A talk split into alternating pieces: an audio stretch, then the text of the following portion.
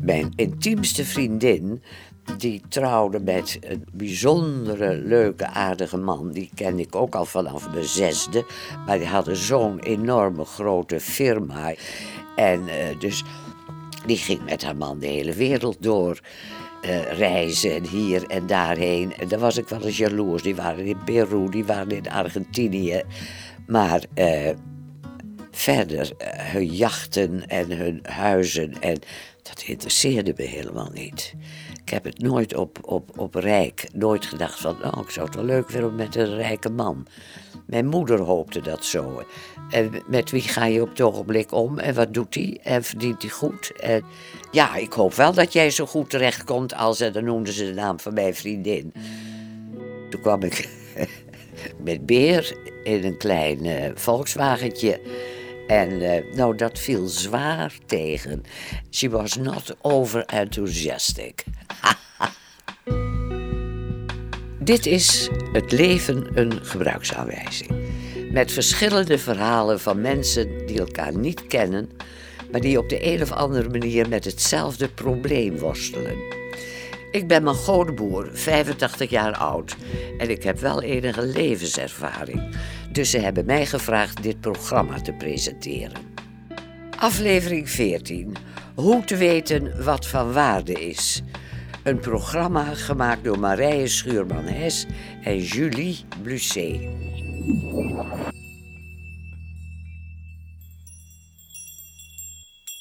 Ik heb er vannacht van gedroomd. Ik liep op het land, ik groef een kuiltje en opeens stond ik ermee in brand.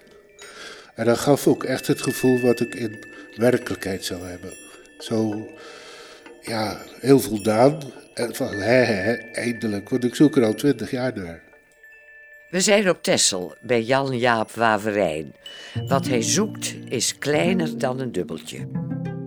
Het is een muntje en die is geslagen in de tijd zo tussen 650 en 750. Na het begin van de jaartelling. Door de Friezen. En die zijn gewoon heel mooi, heel naïef gemaakt. Maar ja, ze zijn niet zeldzaam. Dus ze worden overal gevonden. Alleen hier kom ik ze niet tegen. Hij werkt uitstekend. Hij is heel gevoelig voor kleine voorwerpen en ook diep. Ja, doet hij heel goed. Dus, we eens kijken. Bijna dagelijks struint Jan-Jaap over de akkers van het eiland...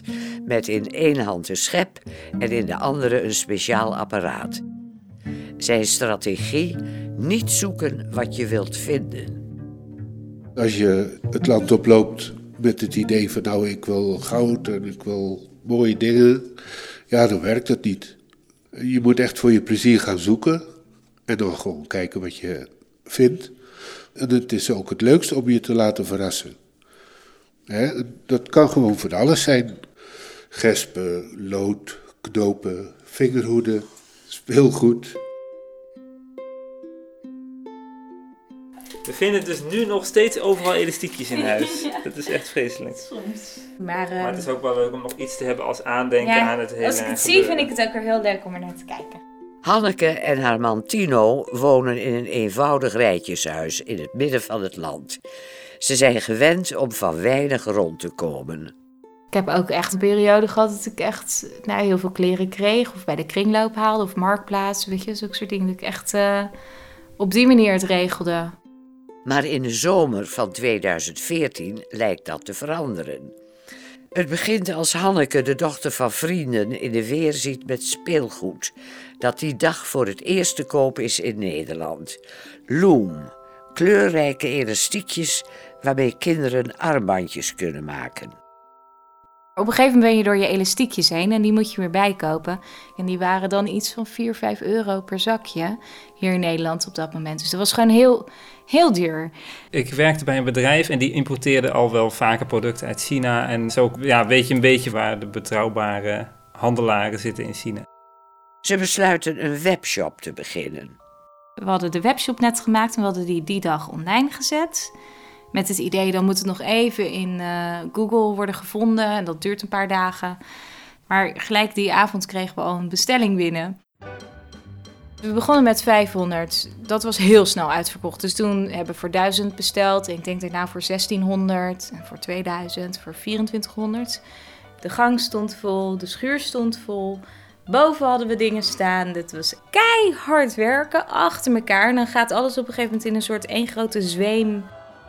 Alle dozen met nieuwe elastiekjes die we binnenkregen was of overdoen zelfs in nieuwe zakjes, omdat de oude zakjes heel lelijk waren uit China. Dus dan dachten we, dat vinden we niet leuk om zo'n product uh, te geven. Dus dat was gigantisch veel werk. We hadden net een week die webshop online en we waren dus al uitverkocht. En die vriend van Tino, en die kwam binnen en hij is een zakenman. En uh, die zei tegen Tino, reken maar, in de zomervakantie heb jij 30.000 op je rekening staan. Jullie hebben echt goudmijn in handen joh, goudmijn. Nou, als ik uit mijn werk kwam, dan stond er alweer een stapel bestellingen klaar. En dan ja, was ik soms wel tot uh, middernacht bezig om dat allemaal weg te werken. Ja, de klant verwacht wel dat het de volgende dag in, uh, in huis is. Dit is een ding waar Tino en ik het niet over eens zijn. ik herinner mij dat we echt wel eens tot vier uur zijn doorgegaan, zelfs als tot vijf uur s'nachts. Het voelde alsof Looms ons helemaal had overgenomen.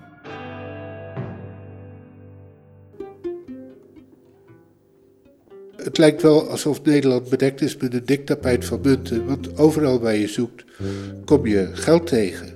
Er is hier zoveel gebeurd waar eigenlijk niks meer van zichtbaar is, dat je zegt van ja, waar zou ik me druk over maken in deze tijd? Het maakt dat je dingen relativeert. Alles is tijdelijk. Jan-Jaap Waverijn zoekt maximaal twee uur per dag naar munten. Hij doet het niet voor het geld. Zoeken vergelijk ik vaak met mediteren. Als je een poosje aan het zoeken bent, dan is je hoofd helemaal leeg. Ik heb er de tijd voor. Ik, heb, ik, ik leef van een erfenis. Ik heb genoeg reserve, waardoor ik niet de noodzaak heb om te werken. Een van de dingen die we zelf heel leuk vonden was dus dat we, als we dan helemaal overwerkt waren en geen tijd hadden om te koken en we zagen het allemaal even niet meer zo goed zitten, dat we dan uh, in de auto stapten naar het lekkerste pannenkoekenhuis van Nederland reden. en daar samen heel gezellig gingen dineren. En dan voelden we ons enorm rijk. Als ik uh, ja, loop of zelfs ook al onderweg ga naar mijn akkers. Ik zie dan allemaal mensen langs razen. Het hele leven. En je merkt hoe gestrest mensen zijn. Ze vinden zichzelf belangrijk omdat ze haast hebben. Ze moeten iets doen ja, ik snap dat wel. Ik bedoel, mensen moeten werken en hun ding doen. En naar school. En, en dat, dat, dat, maar dat gaat allemaal langs mij heen. Met Hanneke van Looms.nl. Ik deed mezelf vaak ook groter voor dan ik was. Als ik mensen aan de lijn had, zei ik wel, ik zal met mijn collega overleggen. Maar dat was dan het meisje van 13 dat hier gezellig mee zat te helpen. Of mijn schoonzus dat waren dan ineens even collega's. dus dan klinkt het al als een heel bedrijf. Het is alsof er ja, een heleboel hele snelle deeltjes bewegen. En daartussenin sta ik heel traag, heel langzaam als onder water van blub, blub. dus ja, in een, in een totaal ander universum uh, beweeg. We hebben ook echt wel momenten gehad dat we dan samen helemaal een beetje grappig gek werden. Dus dat we la la la een beetje echt dronken van het moe zijn, zeg maar, waren. Ja, ook momenten dat we wel eens uh, zaten te huilen. van help, hoe moeten we het allemaal nou nog afmaken? We zijn echt moe, we moeten hulp hebben. Jan Jaap verdiende goed geld als kunstenaar in Antwerpen. Maar toen zijn moeder begon te dementeren, trok hij bij haar in om voor haar te zorgen. Het zoeken naar muntjes was zijn enige afleiding. Als moeder opstond, dan kon ze zich in het begin nog wel wassen en aankleden. En dan zorgde ik dat er een kopje thee klaar stond. En dan kon ik naar buiten. Dan zorgde ik later weer dat er middageten klaar stond. En dan ging ik smiddags weer weg. En als je dan met iets moois thuis komt, dan geeft dat troost. Ik nam er wel heel vaak mee voor een ritje in de auto. Maar ja, alles werd steeds moeilijker. En het geeft je wel een hulpeloos gevoel. Van je wilt zo iemand uh, vooruit duwen, maar dat lukt niet. Net zo'n boodschappenwagentje waar een wiel van vast zit. Ook al wordt ze soms gek van de elastiekjes, er is iets waardoor Hanneke er moeilijk mee op kan houden. Dat je je waardevol voelt door elastiekjes, dat is een gek gegeven. En toch was het zo. Want je betekent ineens iets. Want je bent ineens ja, degene die iedereen helpt, die iedereen te woord staat. ehm, degene die zorgt dat de pakketjes op tijd af zijn. Bijvoorbeeld, ik heb best wel veel mensen aan de telefoon gehad. Voor wie ik er niet alleen maar was over het Looms gebeuren. Ik heb veel verhalen aangehoord, veel levensverhalen.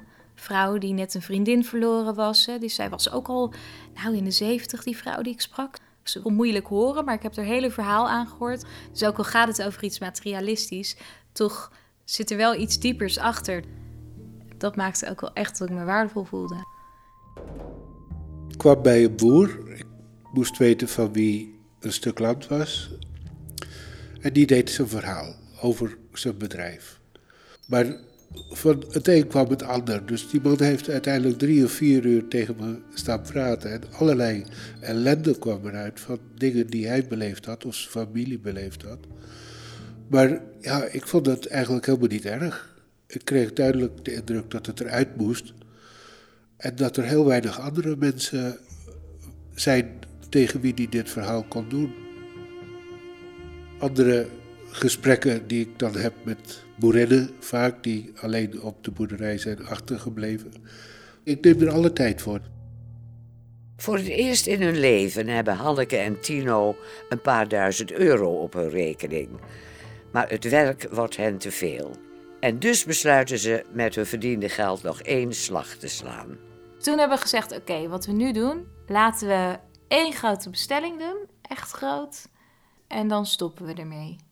En ja, die eerste week ging het ook nog heel goed. We hebben gewoon veel verkocht. En de week erop was het ineens ijzig stil. en toen dachten we: oh, volgens mij is het een beetje dood gegaan. Net nu, jammer. Iets wat het ene moment heel veel waard is, was het andere moment gewoon, nou ja, vuilnis eigenlijk. Toen kwam er iemand die voor een kinderhuis in Bolivia heel graag dit materiaal wilde hebben. En niemand eh, daar kende dat nog in Bolivia. Dus we zeiden, nou neem maar mee. Je mag het zo komen ophalen, geen probleem. Dus die heeft alle dozen meegenomen en toen was onze schuur weer leeg. Jan-Jaap Waverijn heeft de zoektocht naar zijn gedroomde muntje nog niet opgegeven. Ik loop het liefst zo langzaam mogelijk. Doe één stap vooruit en dan zet ik mijn andere voet naast mijn been. Het is een hele langzame dans. Ik vind het veel fijner om eh, ja, een beetje rustig leven te hebben. Ik begrijp niet hoe we dat hebben gedaan en ik, ja, ik zou het niet snel herhalen, laat ik het zo zeggen. En hoe langzamer je eigenlijk beweegt, hoe, hoe meer je beleeft. Dit was Het leven een gebruiksaanwijzing. Ik hoop dat u er iets aan gehad heeft. En wordt het makkelijker? Jij bent 85. Wordt het makkelijker om te weten hoe het moet als je ouder wordt? Jazeker. Nee, ik, ik, ik heb de rust in mezelf gevonden. En voor de dood ben ik niet bang. Maar eh, als je zegt, eh, nou, ik ben nu 85, ik hoop in godsnaam niet dat ik 87 haal. Daar houden mensen niet van. Maar ik meen het wel. Maar ik heb ook eens iemand horen zeggen, ik zou je wel eens zien de dag voordat je 87 wordt. Hoe je er dan over denkt.